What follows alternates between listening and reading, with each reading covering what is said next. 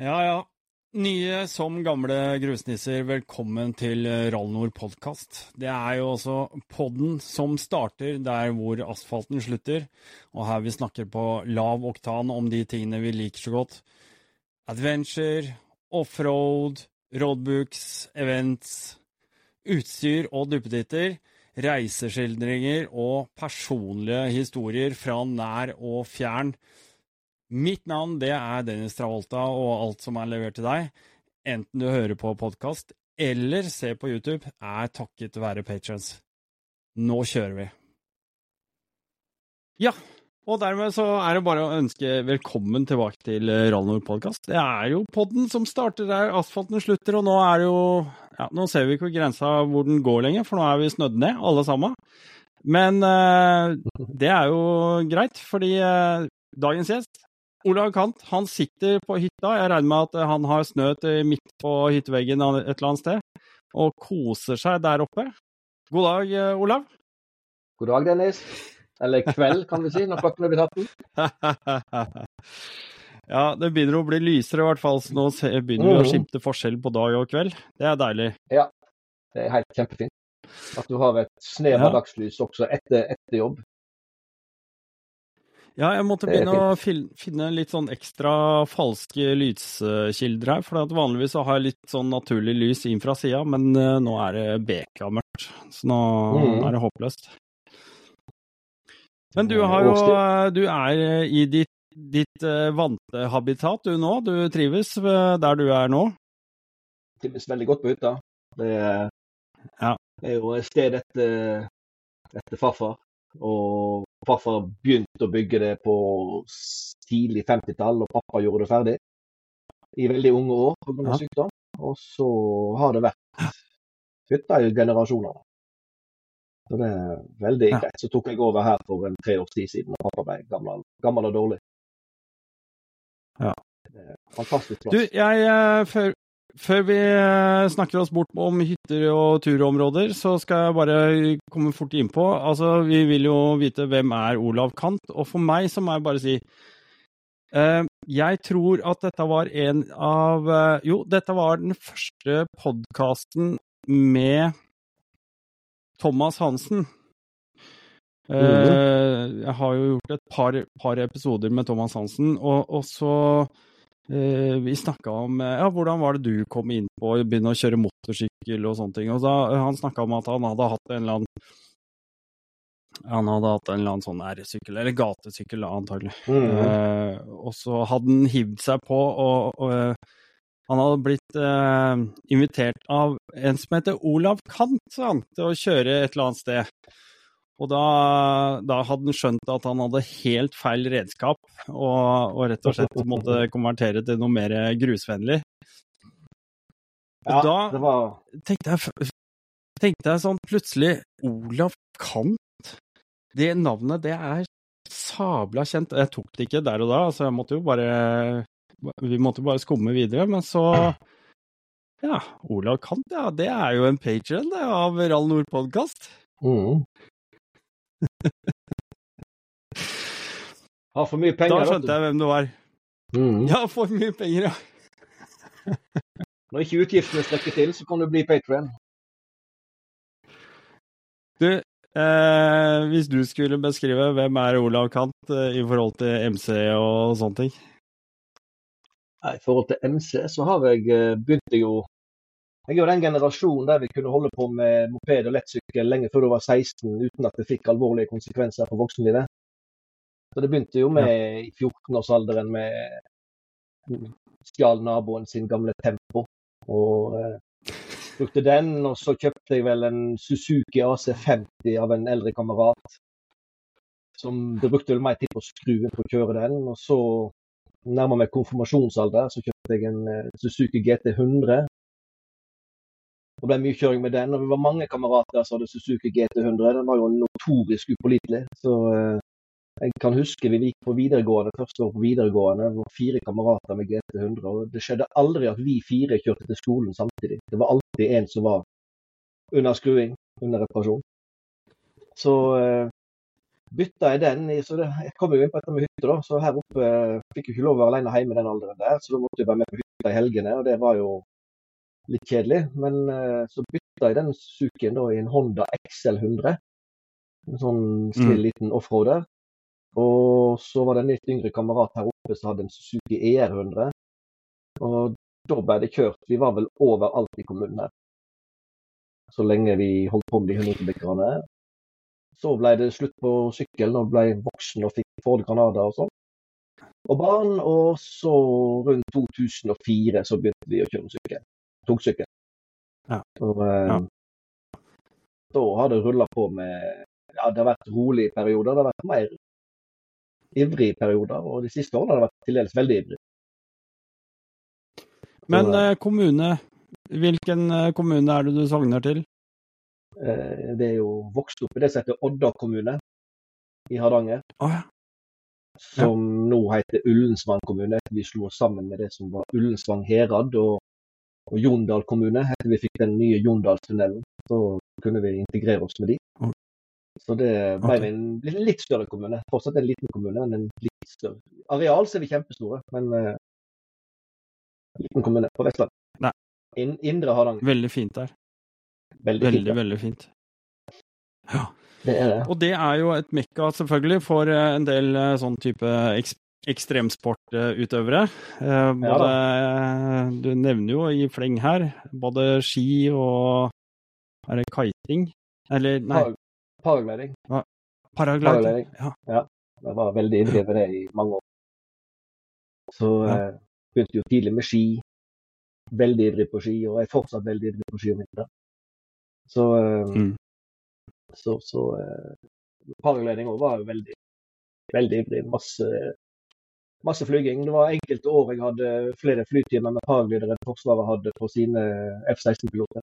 Det sier litt om hvor lite F-16-pilotene faktisk flyr, da. Men det fløy den gangen på 90-tallet. ja, kanskje. Ja.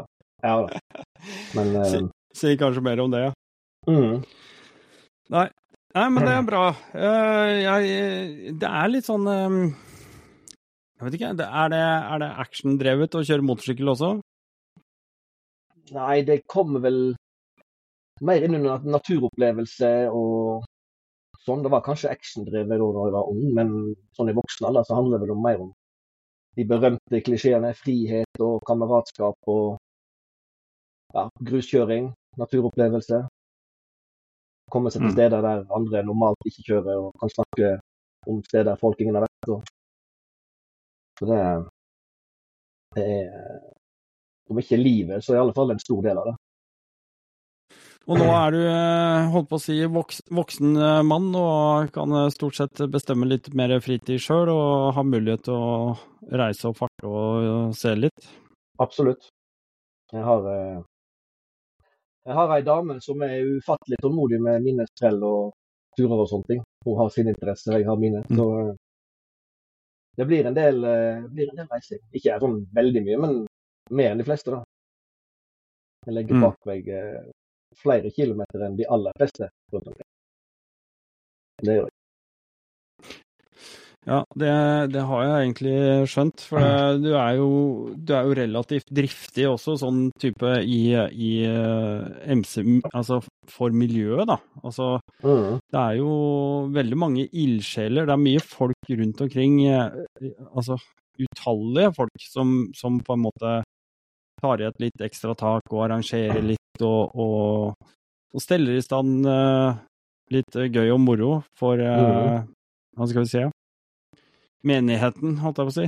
Ja, det er et godt ord. Det er et godt ord. Mm. Men uh, hva er det liksom Første turene dine, altså fra 2004, jeg regner med at du Du har jo opplevd en del, da. Men eh, Som er det liksom asfalt som eh, var mye av det til å begynne med, eller? Ja, det begynte egentlig da rundt 2004. Så fikk jeg muligheten til å eh, Hadde ikke sykkel sjøl på den tida, men eh, så var det Jeg jobba jo utdanna rørlegger, da. Så, eh, eller utdanna, du blir jo ikke utdanna rørlegger, bare, det er bare noe du blir. Og så eh, og så eh, var det sjefen min, og han hadde en kunde som ikke kunne betale for seg. Og så tok han sykkelen hans i betaling for en jobb. Så spurte jeg hva skal du med den sykkelen der. Og så jeg eh, nei, den, vi kunne nå ha den som en sånn, som en sånn eh, fellesgode i firmaet, da. En, eh, Frynsegode. Ja, det, ble det var frynsegode sitt. Det var ikke mange kilometer han kjørte med den. eh, Den var en sånn eh, ganske kul sånn cruiser. Sånn Honda Supermagna. En sånn V4 Ja. ganske kul, altså. Ble det kjørt ganske mye med den. Og så etter hvert så kjøpte jeg en Honda XT600 Teneré, den første i rekken der. Og så eh, ble det kjørt egentlig veldig mye. Men vet, vi har ikke så mye grusveier rundt Vestland. Vi har mange grusveier, men ikke så lange. Nei. Så det var, eh, det var jo opp og ned til demninger til kraftanlegg og, og sånn. Og en del asfaltkjøring. Mm. Var ikke så nøye på det egentlig, så lenge vi kjørte motorsykkel, så hjulene rulla. Så, så i 2006 så hadde jeg en ganske hårreisende tur som, som egentlig tok ja, det, Vi kunne ikke vi kan, kunne aldri gjort noe sånt i dag, men den gangen så så jeg vel ikke helt konsekvensene av det. Kjørte litt i fjellområdene nede i Ryfylke mellom Hovden og Hovden i Setesdal. og tok meg over høyfjellet der til, med ei eh, kanne, tom spylevæskekanne full med 95, og så over høyfjellet, over Svaberg og myrer og forskjellig, og ned igjen i, i, i fjellområdene nærmere Suldal. Eh, noe skal bli kult å fortelle barnebarna. Og så har det vært egentlig mest Norge fram til denne turen som Thomas Hansen fikk være med på, da. Eh, det var på kryss og tvers alle veier i, i Norge. og Kjøpte jo nyere, finere sykkel da i 2013, som asfaltracer, en Triumph Speed Nei, Speed Triple 675, Ja, speed Triple. som, som er bytta ut året etterpå i en Speed Triple 1050. Fantastisk sykkel til, til sitt bruk. Den har vi ennå i familien. Sønnen min som har, har den. Eh, Mm. Etter et gjestevisitt på Østlandet, så kjøpte vi den tilbake. Og så var vi til den turen med Hansen ja, i, i Alpene i 2015, var det. Og så har det stort sett vært en del norgesturer. Sånn kjempelange, men fine. Og en del turer da i 2019 og, 2017 og 2019 var vi nedover kontinentet. Og 2022 hadde vi en fantastisk tur nå. Vi kjørte til Italia, hadde tett Italia oppe i nord, nordvest, der i Bardoneccia. Kjørte den her Asietta Kamstrasse og Fort Jaffrau og Col som Sommelieri og alle Mm. fantastiske og sikkert godt kjente deler av, eh, av den delen av tett Italia. Og så var vi vestover etterpå og kjørte ned til langs Middelhavet, meg og to kamerater. da. Og så kjørte vi den her eh, Adventure Country Track, Pyreneene, fra Kadakes, eller hva det heter, i nord... Nei, jo, det blir nordøst. Og Mm. vestover til eh, San Sebastian. Eh, den derre Adventure Country Track, altså ACT, Mhm. eh, den, den har jeg egentlig aldri satt meg så mye inn i, men kanskje du kan si litt mer om den? Er ikke den litt mer en sånn, eh, skal vi si, stor sykkelvennlig? Ja, Eller er jeg ute og kjører nå? Det er Trans-Euro-trade for eh, eldre fete menn, kan du si. Det, det, det, det er ikke så Nei, I Norge så kan du jo kjøre tett med hva som helst. I Norge skulle du vel kjørt uh, tett ut av Ja. en Golving. Men uh, enkelte ruter i Italia og sånne ting er, ser jeg er straks mer krevende. Men ACT er jo det er jo sånn De kaller seg vel for en stiftelse. Der Turatec, eh, firmaet Turatek står sentralt i i spissen, og så er det med seg en hel haug med sponsorer. da. Og så lager de til sånne femdagersturer. Jeg tror tanken er at du skal du bor på kontinentet, så kan du bruke en fredag og en lørdag til å komme deg fra Sentral-Tyskland eller hvor som helst, og sånn nå sist og ned til Kroatia f.eks. Og så bruker du fem dager på det sporet, da, der de legger opp Mm. Og så er du innom ålreite byer der det er noenlunde overnattingsmuligheter og mat og sånn. Og så har du to dager til på å komme deg hjem igjen.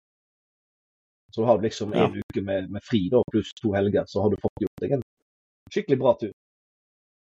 Det, Mm. det er vel tanken bak det hele, da. Så de har jo ACT i Kroatia, og England, Spania, Portugal, Pyreneene, Italia, Hellas, Romania. Er det lagt opp litt mer sånn at du har litt hoteller og sånn underveis, da? Ja. ja. Det stemmer. Det er, Mm. Jeg har ennå ikke sett at de har lagt i telt, fordi de lager jo veldig bra filmer om disse turene. Hvis du søker Adventure, mm. Adventure Country Track Hellas f.eks., så får du se hvor den filmen er én time og fire minutter lang eller noe sånt. Nydelig. Men de bor alltid oh, ja. på hotell, da. Det, er, det, er det også Turatek som står bak filminga og, og legger ut sånne promoer, eller? ja, det er vel Turatek Eller er det- selv. det, det er den organisasjonen, da, til ACT, Ja, ja. som, okay. som, som lager de turene. Og de har begynner å få et ganske profesjonelt uh, uttrykk på, på de filmene sine. De bruker nok en del ressurser på det. Mm. Det. Ja, det er spennende. Mm. For det er jo, det er jo det er kanskje et godt Det, er, ja, det høres ut som et bra alternativ da, til tet, for det er mange som lar seg skremme litt av tet også. Kanskje de har eh, ikke følt seg helt trygg på T7-en, eller hva det nå måtte være. da, og, en, Mhm. eh, og, og kanskje føler at de må kjøre litt aleine, eh, sånn type ting, men har lyst til å liksom har lyst til å, å, å følge et spor, da. Mm. Eh, Så kanskje det er, kanskje det er en god eh, Ja, det ligger, God idé. de, de ligger i alle fall tilgjengelig på, på nettet. Du må betale en sånn medlemskapsavgift for å laste de ned. Mm. Og så er det veldig okay. opptatt av at du kjører den siste versjonen av ruta. Av til ser det har vært en del diskusjoner blant annet Pyreneene. At de har stengt deler av ruta, og så må de kjøre om istedenfor. Det- Ja.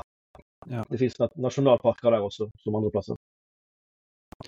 Ja, det er jo den samme diskusjonen man har om tet også, for så vidt. Mm. Eh, er vel ikke noen stor forskjell på det. Det er det. Det har vi snakka om mange ganger før òg. Mm. Men eh, du, jeg, jeg er litt eh, nysgjerrig, fordi um, ut ifra dette her, så, så har du jo arrangert litt sånne egne ting også. Jeg veit vet at Hardanger pokerrun er eh, noe dere har holdt på med. Ja, det begynte vi med Fikk ideen av en kamerat som holdt på med noe som heter Florø-pokeren, eh, med båt, båt og vannskuter. Eh, Så lange nattskift, eh, lange rolige nattskift i Nordsjøen, det kan gjerne gi mange rarutslag. Og, og, og pokeren er iallfall ett av det. Så fikk vi den ideen, og så fikk jeg litt drahjelp av kameraten min Stian. Som du også har hørt snakk om før, i lag med Siggen for, for et par år siden. Okay. Ja, han bor like, like nært med meg. Fantastisk kar. Og Mm. eh, fikk god drahjelp av han, og så inviterte vi en haug med venner, da. Kom vel en 40 stykk, tenker jeg. Og så kjørte vi et slags prerun på fredagen. Eh, Vi så, ikke, vi så ikke konsekvensen av det prerun-konseptet da, helt sånn med en gang, men eh, på lørdagen så var det pokerrun, og da eh, har vi med oss en bunke med konvolutter. en haug, haug. Kjøper en hel haug med kortstokker, og så eh, har vi en kar som tar seg av alt det der, for å få det riktig. Han er litt mer enn gjennomsnittlig matematisk interessert, så han, eh, han tar seg av eh, det kortarrangementet. og så deler vi ut kort i henhold til startnummer. Og når turen er ferdig, så har du fem kort. Det vil jo si ei pokerhånd. Og så mannen med den beste pokerhånda, han vinner potten. da. Da har vi 50 kroner per mann i potten. Så ja. det kan være en helt ålreit lørdagskveld. Okay, Ok, så det Men, men eh, jeg har ikke kjørt det som pokerrun før, men du, du, det du snakker om, det er jo Du starter et sted, og så skal du kjøre til eh, en eller annen gitt destinasjon. Ja. Ja, jeg definerer fem, fem stoppesteder, da. Eller fem kortutdelingssteder. Prøver å legge det inn som et, som et sted der vi kan parkere en haug med motorsykler. Og så deler vi ut kort, og så har vi en pause, og så kjører vi videre. Så blir det gjerne en runde. Okay, Ok, Så man kjører, 30 mil. samla, man kjører samla? Ja, mer eller mindre. det. Det? blir jo en lang rekke. Men da Ja. har du 40 sykler, eller som i 2018, vi var nesten 100, så, ah.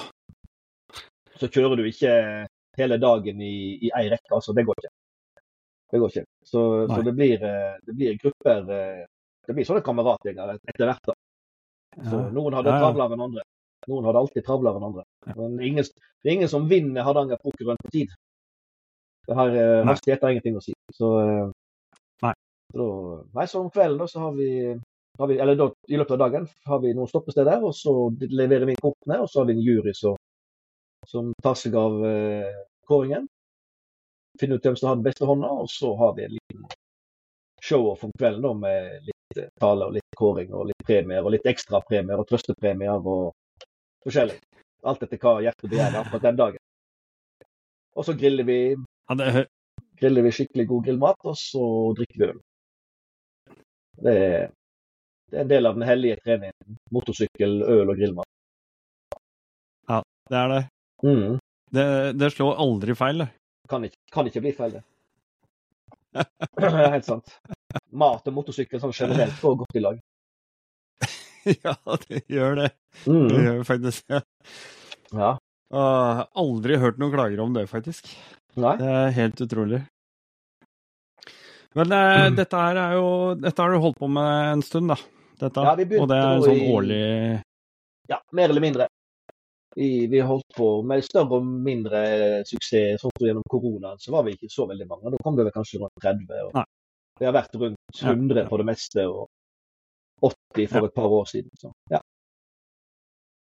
Veldig væravhengig. Veldig væravhengig. Ufattelig mange som har ei syk bestemor når eh, det er meldt regn til helga. Mm. Og Det er eh, Det gjelder all, alle typer sånne arrangementer, uansett Ja hva det er for noe, nesten. det gjør det. Men sånn er det jo. Du, jeg Det er så mange sånne treff å ta av, vet du, når jeg snakker med deg. Og Jeg skulle liksom snakke med deg om sånne små, enkle ting, og så kommer det bare plutselig ramser opp her eh, en haug med ting som det er å, å styre med. Grus og gourmet. Det er hjertebarnet. Det høres også ut som motorsykkel på grus og jævlig mye digg mat, høres det ut som. Nei, Det begynte begynt en avsporing av et uh, kompisprosjekt som, uh, som mista litt uh, drive under, uh, under koronaen. Kom liksom aldri på fot igjen. Det var en kamerat som hadde si greie, da, som han kalte for Gruskollektivet. Og da Ja, ja. holdt, vi, holdt vi til borte på, borte på med Dokka. Litt nord for Dokka så ligger Nordre Land og Vesttorpa. Og, mm. og toppen av Vesttorpa-runden, det ligger en liten asfaltrunde der som er kanskje en mil lang. God mil. Der ligger et, et gammelt, en gammel skysstasjon, tror jeg, det, eller et gammelt pensjonat som heter Ulsaker Panorama. Noter det navnet. Ulsaker Panorama. Det, det er ikke et sted du kan kjøre til for å Du kan ikke kjøre forbi der og si oi, her vil jeg bo. Her, eh, du må booke det stedet, og du må stå for maten sjøl, eller skaffe deg catering eller noe sånt. Men stedet okay. er helt unikt vakkert. Så det begynte der. Og så eh, ble vi jo kjent med han innehaveren, som er en utrolig trivelig kar. Og så eh, var det vel på et pokerrun vi begynte å snakke om dette her, noen fra den gjengen der. Så nei, dette her, vi må, gjøre, vi må gjøre noe gøy igjen. Og så havna den oppgaven i fanget mitt. Og så fant vi ut at grus, grus og gourmet, det, det triller godt på tunga. Og så ble det booka, hotell på Geilo. Så booka jeg denne eh, sjappa her da, hos han eh, Ernst Olav på Ulsaker. Og så booka jeg på Brimi Sæter, borti nærheten oh. av eh, Vågå der. Oppe med Tesse. Ja. Ja. Ja. Har vært alle de plassene før. Så, eh, så da var det oppmøte på torsdagen på Geilo. Og så spiste vi eh, ganske bra mat der. Og så kjørte vi motorsykkel på vakre grusveier nedover Hallingdal og over fjell og daler. Og satte oss litt fast nede i et elveløp nederst i Hemsedal og måtte løfte GS-en ut derifra. og sånt. Ah. Og så kom vi til Ulsaker. Der må vi lage maten sjøl, så det var jo om å gjøre å ikke være der for seint. Men det blir sånn veldig sosialt og kjekt. og Det er, det er ikke alle som får være med og lage mat nå, men det er to-tre stykker som er veldig ivrige på det der. Og det blir helt fantastisk når vi har valgt råvarer med, med kvalitet og, og sånn. Mm. Og så er det ikke lov å ha med vin. Uh, jo, du kan ta med vin, men ikke med vin på pappkartong. Du må ta med vin med ordentlig vinkort, ikke noe skrukort. Det ja, Ja. må være litt ordentlig. Du skal ha den der gode lyden, den der lyden når du åpner. Det Ja. må være litt stil på det. Og så kjører vi fra Ulsaker, og så blir det jo Vi er jo innom tettsporet, iallfall nåværende tettsporet, et par ganger i løpet av dagen. Og vi er innom et par eldre tettspor. Og så opp til Brimi, og så er det som regel eier ut hjem igjen. For det er ikke så mye å velge mellom. Så du kjører grus, så blir det som regel ifra Tesse da, og Brimi seter og oppover. Mm. oppover Murudalen til Jotunheimsvegen og Jotunheimsvegen vest, og Så blir det Slettefjellsvegen, Bolsfjellet og ja, veien fra Hemsedal til, til, til, til Ål, opp mot Hol og så Geilo igjen. Så kan østlendingene og vestlendingene splitte lag på, på Geilo igjen, og så Mm. er det å kjøre hjem. Så Geilo er jo på en måte sånn knutepunkt i min MC-tilværelse, da, for det er jo der grusveiene begynner. Grusveier med mening. Mm. Mm. Ja. Det, det er grus å gå med. Så i år tenkte jeg jeg skulle prøve å få til to turer med det. Og prøve å annonsere det litt mer eh, enn jeg har gjort før. Så noen i den gjengen vår Det er ligger, li, ligger det disse tingene på Facebook, eller? Ikke ennå. Eh, Hardanger, Pok Hardanger Pokerrun 2024 den ligger på Facebook. Det er bare å søke Hardanger Pokerrun 2024. Så finner du den Facebook-sida. Og så Grus og gourmet gjør det ikke ennå. Men det kommer kanskje. Og så Mm. Så eh, får vi se hva det blir ut av det. Tenkt å Mm. Det blir et litt sånt ACT-opplegg, da. Det blir eh, gruskjøring for, eh, for eh, de som ikke har de minste syklene. Ja. Mm. Nei, bare, bare vil si det til den uh, lytteren som uh, måtte lure underveis her. Jeg har tenkt å legge inn alle linker og sånn under, nede i shownotes. Under, uh, enten om du ser på YouTube eller hører på podkast her nå. Eh, så du skal fint kunne finne veien fram og, og trykke deg inn hvis du lurer på noe. Jeg vil også bare minne om at uh, i fjor så lagde jeg uh, en adventure-kalender som uh, ligger åpent. så Den er å finne på rallnord.no. Så gå inn på nettsida og, og klipp deg inn på adventure-kalenderen. Den er ikke oppdatert for 2024, men jeg fikk med ganske mye i fjor. Og, og der prøver jeg også å legge inn linker og diverse informasjon som jeg får tak i underveis. Og hvis du sitter på et eller annet som du uh, lytter nå og tenker at dette her hadde vært uh, jeg har, eller vi har, eller jeg vet om, send meg en uh, mail, så skal jeg prøve å få oppdatert den kalenderen. Fordi det er veldig greit å kunne gå inn der hvis du vet at oi, plutselig poppa det opp en ledig helg ikke sant, på tre dagers kort varsel, og så lurer du på er det noe som skjer i helga, så kan du gå inn og se er det muligheter for at du, du, du finner et eller annet som eh, kunne passe. Så tips, bare gå ned og finne ut. Ja. Nei, men det, er- det er bra, Olav. Du er, du er glad i mat. Det har du, du har jo møtt meg, så du ser jo det. Jeg møtte deg på MC-messa. Mhm. Eh, jeg vet ikke om du akkurat satt og spiste da, Nei. men eh, ja, da, var du, da var du mer komfortabel med å sitte dypt ned i skinnsalongen enn å stå og prate med oss. Ja, men det gjør du. Etter du har gått på MC-messa noen timer, så blir du komfortabel i en sofa. altså. Det skal ikke så mye til Det var behagelig, det. Ja da, det var god sofa. Det var tungt å komme seg opp av den sofaen, altså, for den, eh, det var Kai Ingvald som hadde dratt med den, altså fra Twin Pace, som dro med seg den sofaen inn på standen. Og det var en sånn derre ordentlig gammel, sliten skinnsofa, sånn dyp, Ja, jeg tror han hadde, bare her, ja. han hadde skåret av beina på den. Iallfall de bakre beina på den. Den var godt tilbakelent, den altså. ja. Det var et fint sted. ja, det er deilig. Mhm. Veldig bra. Du, um, av andre ting som, eh, som skjer om dagen, så, så er det jo for de som har uh, Jeg fikk aldri noen mulighet til det, da, men å snakke om fjellkjør, som også har vært et veldig populært arrangement. Mm -hmm. um, det er eh, Det er rett og slett Kenneth Nordahl Pedersen som jeg tror har stått litt i bresjen for det, og så har du vært ganske involvert, har du ikke det, Olav? Det har jeg ikke. Ikke før, ikke før nå. Eh, Jeg har faktisk bare vært på fjellkjøring okay. en gang, jeg. Eh, og Det var i 2022. Oh, ja.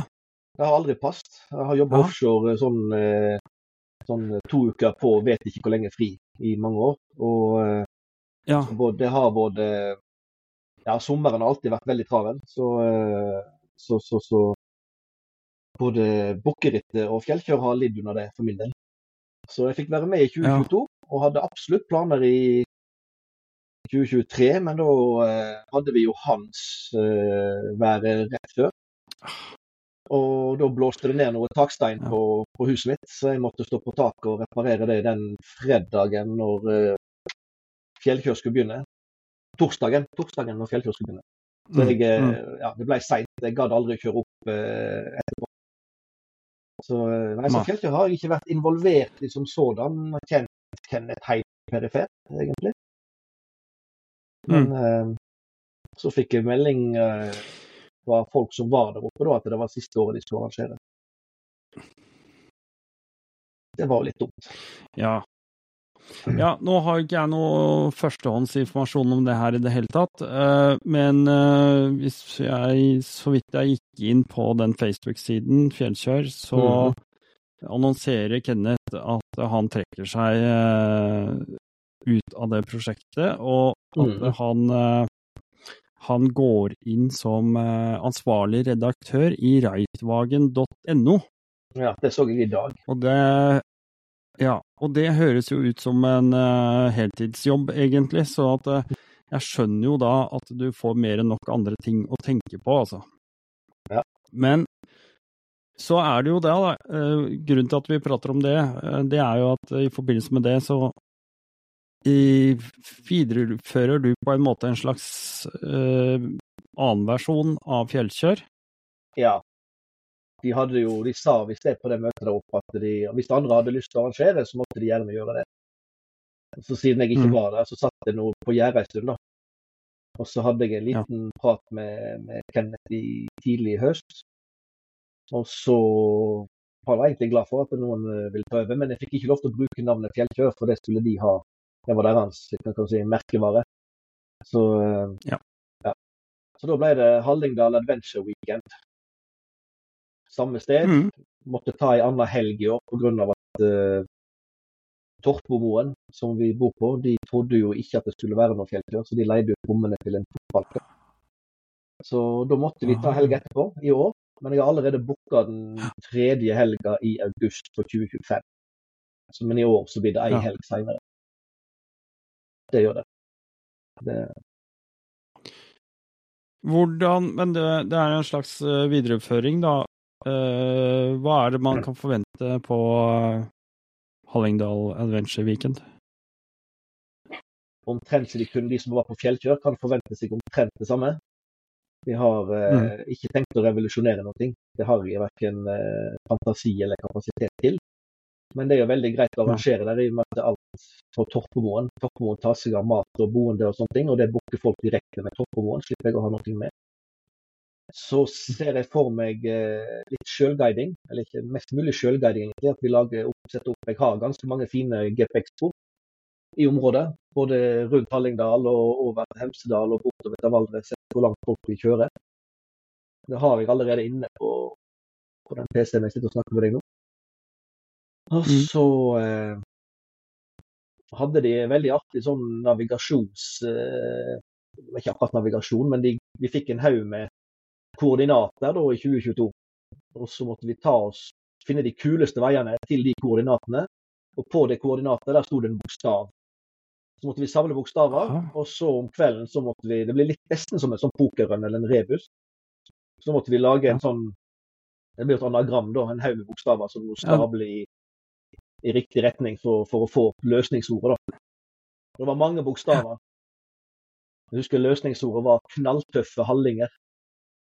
Så, eh, så det var eh, Jeg vet ikke om vi rekker å lage så mange punkter, da, men vi håper å få til noe lignende. Men eh, jeg satser ikke så veldig på store grupper. Guiding med 20-30 mann i kø innover fjellet, det, det ser jeg ikke mening i. Ikke det er kjekt for de som er med å kjøre, og ikke er det kjekt for eh, publikum langs veien. Og det greier å få spredd folk litt utover, håper jeg. Så Det er derfor jeg kaller det litt sånn Mm. Adventure weekend. Jeg, jeg håper vi kan ta det litt tilbake dit som kanskje bukkrittet en gang var. da. Litt større sykler med Mm. flere sylindere og, og, og, og eh, Ja. Det, det var tanken min, da. Det er det som ligger mitt hjerte nærmest. Jeg kjører jo ikke liten sykkel, jeg kjører jo det største beistet du kan få Mm. til sånn bruk. omtrent. Så, eh, så det er det som ligger mitt hjerte nærmest, og da er det det jeg legger opp til. Så Mm, eh, mm. blir det Men kom, kommer du til å sette noe limit i forhold til uh, kubikkstørrelse og sånn? For Nei, å liksom på en måte holde, holde det litt uh, i, på, på hevd der, man vil ha det, på en måte? Fordi jeg- jeg, jeg ser jo det. Det er, det er jo veldig mange arrangementer nå som blir på en måte eh, nærmest litt sånn kuppa av uh, tynne sykler, som jeg kaller det, da. Ikke sant? Man har Ja liksom en eh, T7, man har en uh, stor uh, adventure-sykkel, men, men uh, 890 blir for tung, så jeg tar den tynne sykkelen i dag, ikke sant? Eh, det ser jeg mer og mer eksempler på. Ja da, absolutt. Så, men for meg som bor på Vestlandet, da blir det Skal jeg ha tynn sykkel, så kjøre fra kjøre 20 mil pluss pluss ifra Ja. på, på Asfaltveien er jo veldig fin om Hardangervidda, men det, det er jo ikke noe gøy å kjøre en liten sykkel over Hardangervidda. Jeg vil ha komfort. og Jeg er så gammel at jeg både vil ha og trenger komfort. Så, så småsykler ligger ikke helt i mitt hjerte nærmest, men eh, det er nå bare meg. Andre må få lov å kjøre akkurat det de vil. Og jeg kommer ikke til å sette noe eh, limit på nedre kubikkgrense eller vekt eller noe sånt i år, for vi ser hvordan det går. Hvis det kommer en haug med hvis det kommer en haug med EXC 500 og hva skal jeg si uh, kupper det hele, så får vi gjøre det i år, da. Og så får vi justere deretter. Men, men Ja. det er mitt ønske da at det er de med litt eh, Kanskje dra ut noen av de som eier en GS og skulle ønske at de brukte den litt mer på det det du kan bruke en GS til. Altså ikke nødvendigvis uh, hardcore uh, terrengkjøring, men, men grusveikjøring og ja, adventure i sin, i sin forstand. Da. Kan komme og få input på det. Det tror jeg er et veldig bra tiltak, for nå har vel, jeg vet ikke hvor mange år på rad eh, den GS-en har uh, hatt uh, de råeste salgstallene. Mm. Uh, og, og det er klart at eh, er man eh, Er man på råtneblikk, så Mhm. er det garantert at det, det, er, det kommer noen eh, GS-er. Altså det er liksom Den kan brukes, og den kan faktisk brukes ganske heftig. Ja da, jeg har jeg har vært med på det. Ja. Så Nei, det er bra. Det er en, det er en fin sykkel, altså. Jeg, jeg har veldig sans for GS, og jeg har hatt mange tidligere før, men uh, hadde jeg hatt mulighet, så skulle jeg selvfølgelig hatt den i garasjen i dag òg. Hadde jeg bodd, eh, hadde bodd nærmere en grusmekker, så hadde nok jeg hatt en lettere sykkel i garasjen også. Men eh, i, sant? i og med at vi bor her vi bor, så må jeg ha noe som som tar vi etter grusen på grei måte og handler det. Og, og så blir en jo litt sånn GS-skade etter hvert. Alt annet blir litt sånn gjesp. Det er litt sånn, Ja. Oh, det, er- det er motorsykkel, ja. Ja, ja. ja. Det, det er ikke så mye annet som engasjerer meg akkurat eh, per i dag. Det er det ikke. Men, eh, men som sagt, jeg er kanskje skada. Det kan godt hende. Nei da. Nei da. Jeg tror ikke det. Jeg tror, jeg tror det er veldig mange som, eh, som finner sin eh, nisje i dette her. Jeg, jeg eh, GS er absolutt en, en sykkel som passer fint inn i Rall Nord-formatet mitt, og, og som jeg Jeg kommer jo derfra sjøl. Jeg har jo vært der. Jeg vet jo hva dette duger til, og har jo vært og kjørt gammel GS i Romania og, og Mhm. sånne ting, så, og det funker. Så Mhm. ja. Nei, det er, det er, det er artig. Det Og mye historie, selvfølgelig. Og, Mm. og når man møter likesinnede, så, så er det veldig mye historie i GS-en.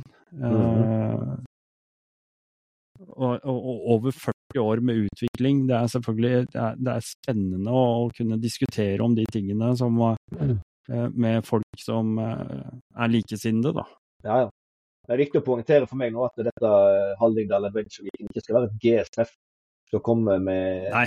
Om du kjører Honda eller Yamaha, eller om du kjører ja, eh, Triumph, eller kanskje til og med KTM, så kan du komme på besøk. Ja, der. ja. Det, Til og med KTM er velkomne.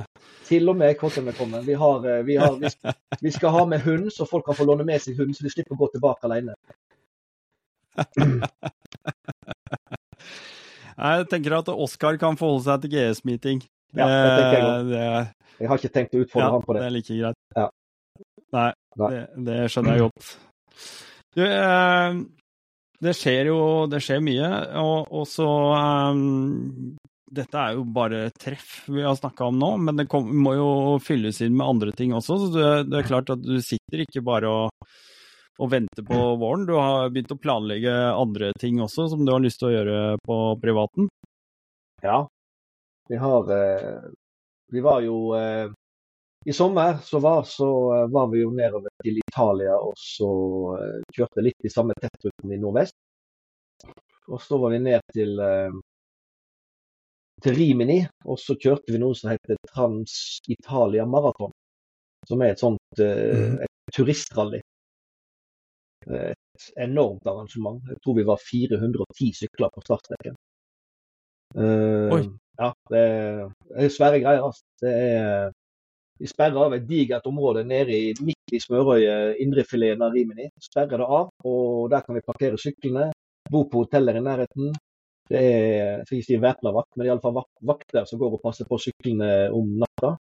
Og der er en sånn ganske stor messe, uh, så du kan gå ut mot stranda der.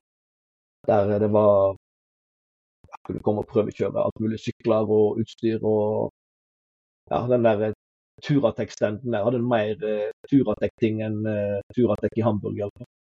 Og mye utstyr jeg aldri har sett før. og uh, Acerbiz eh, viste jo fram sykler der er pakka inn i plastikken sin og mye kule greier. Ja. Og det var fire dager med kjøring da, eh, på ei rute som denne eh, organisasjonen setter opp. Det er ganske big business. Er forferdelig mye folk i sving. Og så kjørte vi fire dager, kryssa Italia. På tre etapper så kryssa vi Italia. Kjørte litt sør og så vestover og litt nordover. Så hadde vi ei natt i sist, litt, litt, kort etappe den tredje dagen etter en by som heter Folonice. Som ligger helt ute på stranda. Parkerte sykkelen, og så kunne du bare krysse fortauet. Og så var du på stranda, så kunne du bare hive kjøredressen mens du eller kjøreutstyret på ja. ned til sjøen, og så var du plask uti. Det var fantastisk.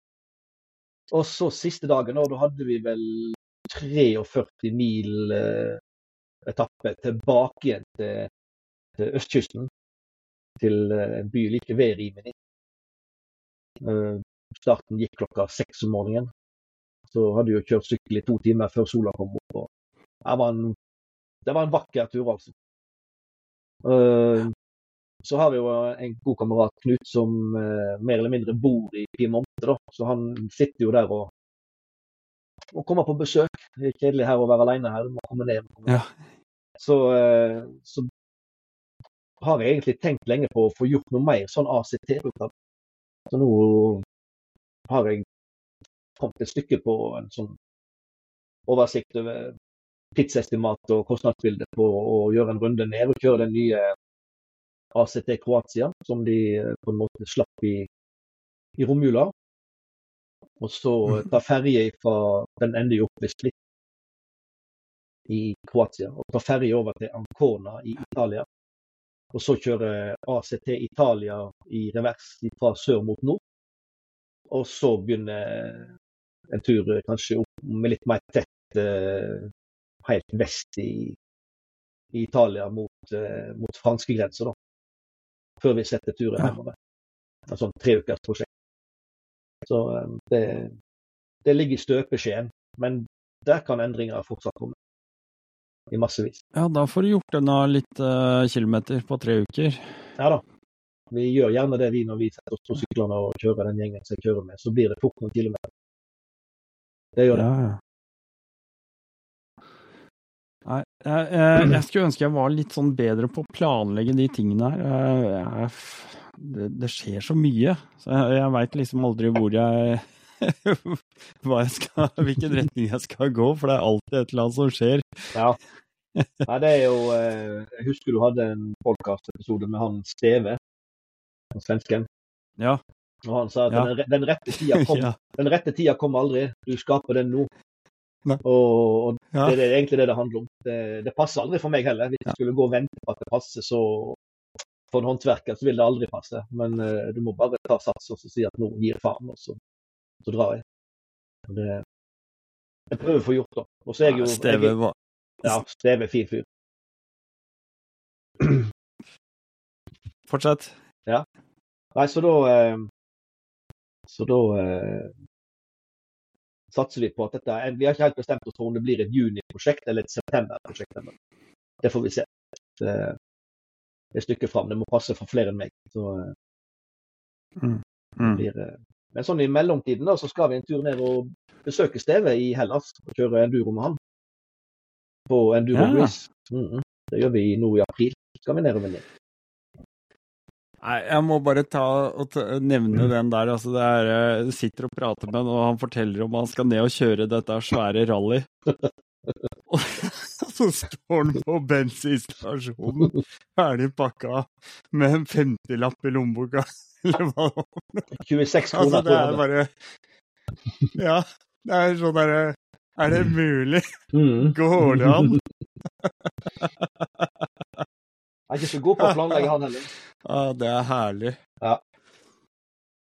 Det er, det er eh, Altså, det å, å, å våge, da, å, å leve litt på den måten her eh, Det er sånne ting som, som skaper de der enorme minnene og de gode historiene.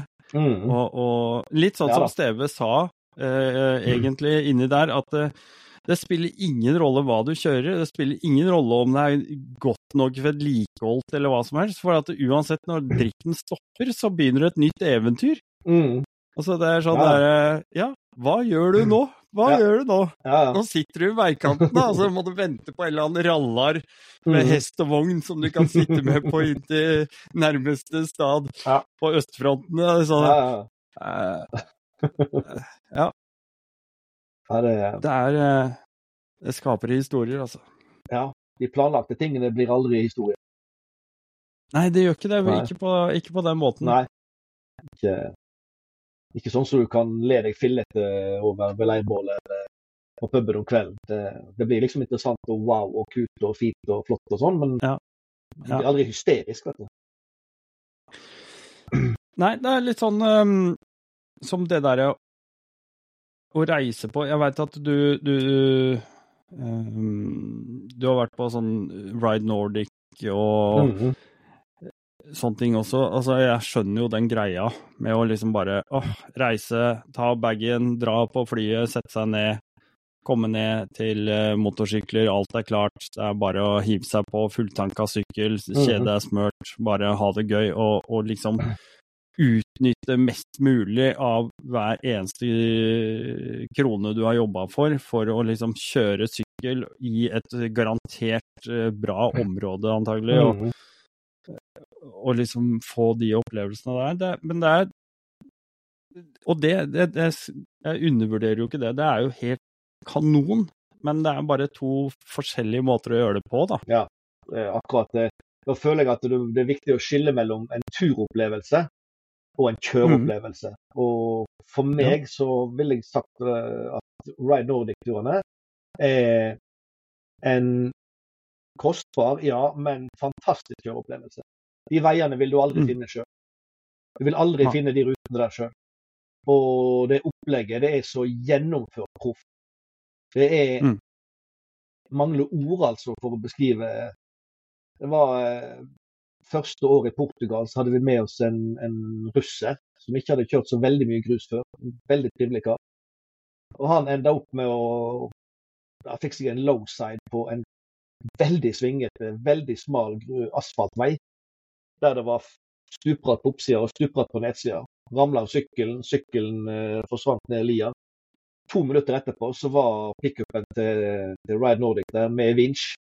Drog han opp igjen og sjekka ut at OK, det ser sånn noenlunde greit ut. Her kan vi kjøre. Og så var det knekt kløtsjhendelen og sånt, og så var det bare å kjøre videre. Nå hadde vi stått Ja. der alene, hadde vi arrangert den turen der alene, så hadde den turen vært over for han der. Ja. Men Ja. eh, andre ganger så har vi knust felger og punktert dekk, og da med reservehjul, ikke reservedekk, men reservehjul, og det bytter på under fem minutter, liksom. Så, eh, Mm. Så det, er en, det er en opplevelse, men for meg så er ikke det en turopplevelse, men som sagt fantastisk kjøreopplevelse. Og de Portugal-turene og de skjer jo på et tidspunkt når sesongen ligger med knekt rygg i, i Norge, sånn i februar, Mm. tidlig mars. og, men Mm. det er veldig, veldig bekymringsløst. Stille opp på flyplassen, så står de der med skilt og venter på deg med et stort smil, og så er de inn på flotte hoteller og sånn. Men det er ikke noe for ungdommen som er i etableringsfasen. Det kan vi slå fast. Nei, uh, nei, altså jeg uh jeg skjønner det veldig godt. Og, og, men det, jeg vil gjerne gi en sånn shout-out til, til, de som lytter. Altså, fordi det er veldig mange som reiser nedover, og det skjønner jeg godt. Du kan starte sesongen jævlig tidlig, eller til og med dra kanskje midt på vinteren og kjøre der Mm. nede. Uh, Mm. Så uten at jeg har vært der, for jeg har ikke fått gjort det ennå, så er jo Funduro noe å sjekke ut nå, da. Mm. Det er jo i Finnmark i Norge. Det er like langt opp dit som det er ned andre veien. Mm. Eh, men man får en helt vanvittig, helt annerledes opplevelse som eh, jeg bare har hørt så mye godt om. Og, Mm. Og jeg virkelig ønsker de gutta å komme seg ordentlig på beina med det Funduro. De har masse sykler, alt er rigga og klart. Dere kjører innover i vidda, det er eh, lavvoer, og det er eh, alt du kan tenke deg Finnmark og den, det livet på Finnmarka har å by på. Mm. Så shout-out til dem. Ja, jeg har jobba der oppe noen år, så jeg har veldig vært i Finnmark. Så det det er en spesiell opplevelse. Det er like eksotisk Ja. det som, eh, som sandstrendene i Sør-Frankrike. Ja. Absolutt. Men i Sør-Frankrike så har ikke de så mye mygg. Det, er noe, da. Men, eh, men la gå. Jeg kunne godt tenkt meg å være med på det altså, en gang også. Det skjer så mye. Ja. Det skjer så Ja, det er akkurat det du Ja, gjør, vet du. Det er det du gjør. Men Det det er, er også ikke, en, det er ikke så lett. det er òg en fin ting med de eh, Ride Nordic-turene. De har jo med seg eh, veldig gode turledere som du kommer tilbake derifra som en mye bedre grusmotorsyklist Mm. når du dro ned. Det er eh, så det er jo et ukeslangt på en måte kurs for de som er interessert i det også. Ja. Det, jeg, jeg er ikke en stor fan av det, men jeg har vært veldig fornøyd med opplegget. Jeg har fått det jeg har betalt for. Selv om det, selv om det er mye, mye gryn. Så det- Ja, det er herlig. Mm. Det er, eh, det er håp, dere. Det er bare å kikke ut av vinduet. Selv om eh, snøen ligger til midt på vinduet omtrent nå, så, og det blir eh, her i gryta hos meg, så er det nok en sånn kuldeperiode neste uke med 30 minus osv. Det Mm. er jo usedvanlig spesielt i Oslo-gryta, selvfølgelig. Men ja, det er, det er sånn det er. da. Norge, Det går over. Norge i januar. Det er bare å leve med det. Ja. Ja. Kjø Kjører du nå om vinteren? Nei. Det fins ikke interessert. Vi har Nei. Hovedveiene våre er full i salt og søppel, snøras og drit og lort. Nei, vinteren, det er, på vinteren da er det ski. Da er det alpint. Ja. Seint og tidlig. Det, det er det jeg driver med nå på vinteren. Så eh, hadde vært veldig kjekt å få prøvd skikkelig vinterkjøring opp med Gol på Golsfjell eller oppe i området der, men det har ikke kommet så langt Mm. ennå. Nei da, det er eh, Jeg er helt enig. Jeg har kjørt eh, mine kilometer i saltlake, og det er, eh, ja, Mm. det er noe jeg har slutta med. Ja. Ferdig med det. Ja, nei, det, Sånn er det.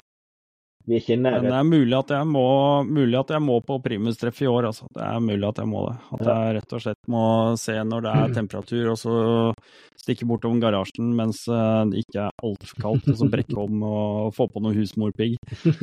Eh, Bare så jeg får dratt på tur. Ja, Da har ikke du fryst nok i hverdagen. Jeg jobba som sagt tre år i, i Finnmark på vinteren, så uh, primustreff det frister ikke meg på en meter sånn temperaturmessig. Det er sikkert sosialt og kjekt, men nei. Ja, men det er Ja da, jeg skjønner hva du mener. Alle, alle tenker jo det, men du går jo ikke rundt og fryser hele tida, for det er bål overalt. ikke sant? Mm. Og ved blir brakt opp, og folk kjøper i sekker og lass ikke sant? og ligger og nyfyrer hele helga. Så det er egentlig ja. Og så når du legger deg om kvelden, så har du såpass mye frostvæske innabords allikevel, så det, går helt fint å karre seg inn i soveposen. Ja. Det Nei da. Hører hva du Det er sier. sosialt. Mm. Ja.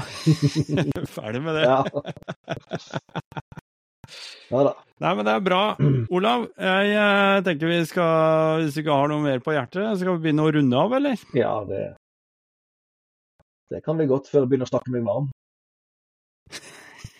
Jeg er sikker på at vi kunne snakka langt og lenge. Uh, men du, det er uh, veldig hyggelig at du endelig mm. var med. Fordi jeg har jo spurt deg før, så mm. Nei, hva skal vi prate om, sier du. Uh, nå har jeg endelig fått lurt deg på, det, det er gøy. Du er andremann ut i sesong nummer fire, fire. av Rallnor podkast. Fire, faktisk, ja. ja. Jeg har fått med meg de fleste episodene. Det har jeg. Ja, det, ja. det, er ikke alt som trenger meg like mye, men noen er jo Nei. fantastisk bra. da. Noen er fantastisk bra. Det er den, eh, ja, den med, med Elving, den er jo bare fantastisk. Det er jo som å høre bestefar snakke. Det er ja. veldig, Nei. veldig bra. Elving er så fantastisk uh, herlig menneske. Mm. Det, er, det, er, eh, det, er, nesten sånn at uh, han, må bare, han må du bare møte en dag. Ja, jeg har møtt ham mange ganger, heldigvis. Så, ja. ja. Men for den som lytter, ja. dere må bare møte Elving en dag. herlig fyr. Ja. Han er Nei, jeg, jeg, prøver jo også å variere litt og, og prøve å, å, favne om, skal vi si, eh, alle som på en måte markerer seg eller eh, på en eller annen måte eh, gjør en, en, en, endring eller har en skildring, en historie, en adventure eller andre ting som, som på en måte og det blir jo veldig bredt, på en mm, måte. Mm.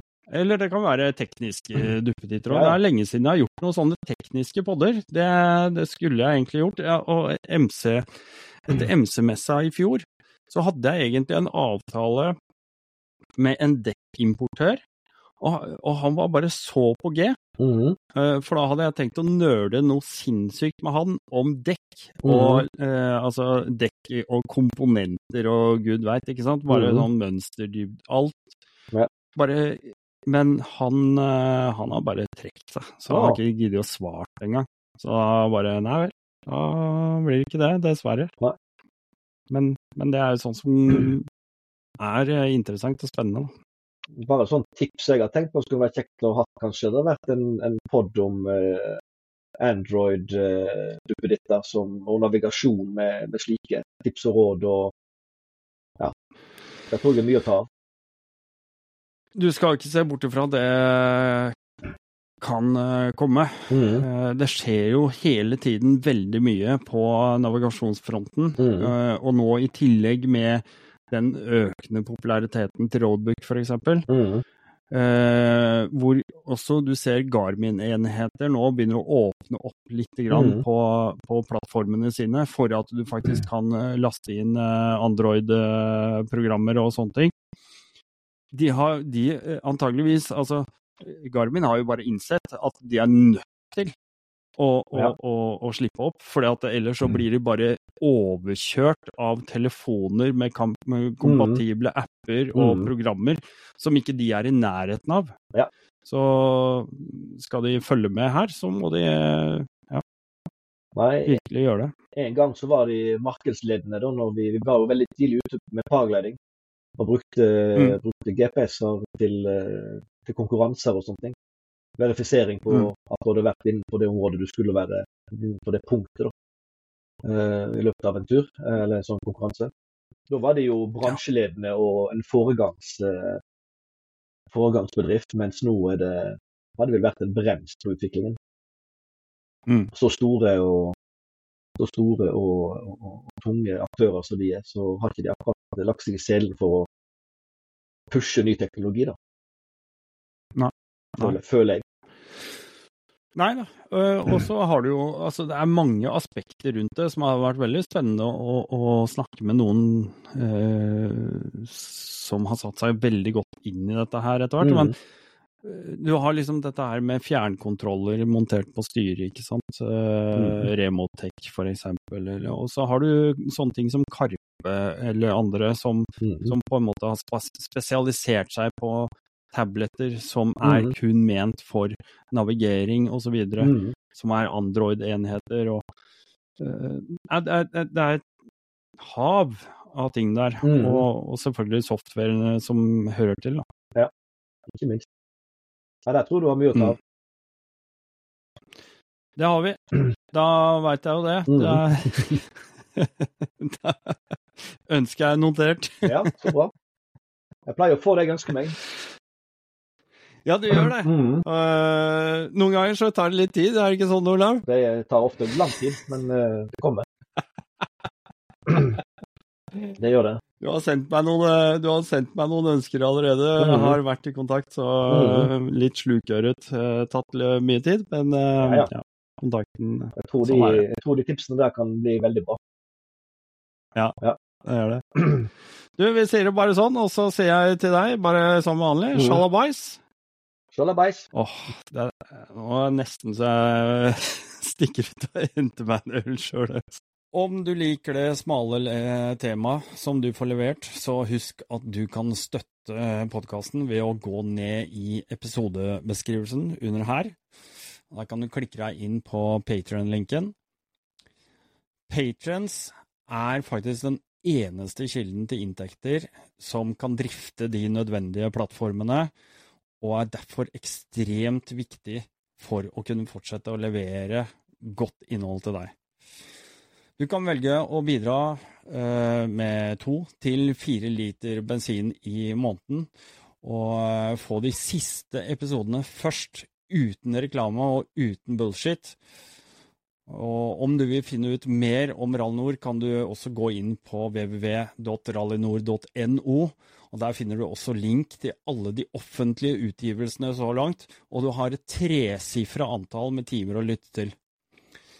Ikke glem like og subscribe, og legg gjerne igjen en kommentar i feltet under. Spre det glade budskap, og så ses eller høres vi i en annen episode. Og med det her så takker jeg for denne gangen, og jeg sier rett og slett bare én ting. Shalabais.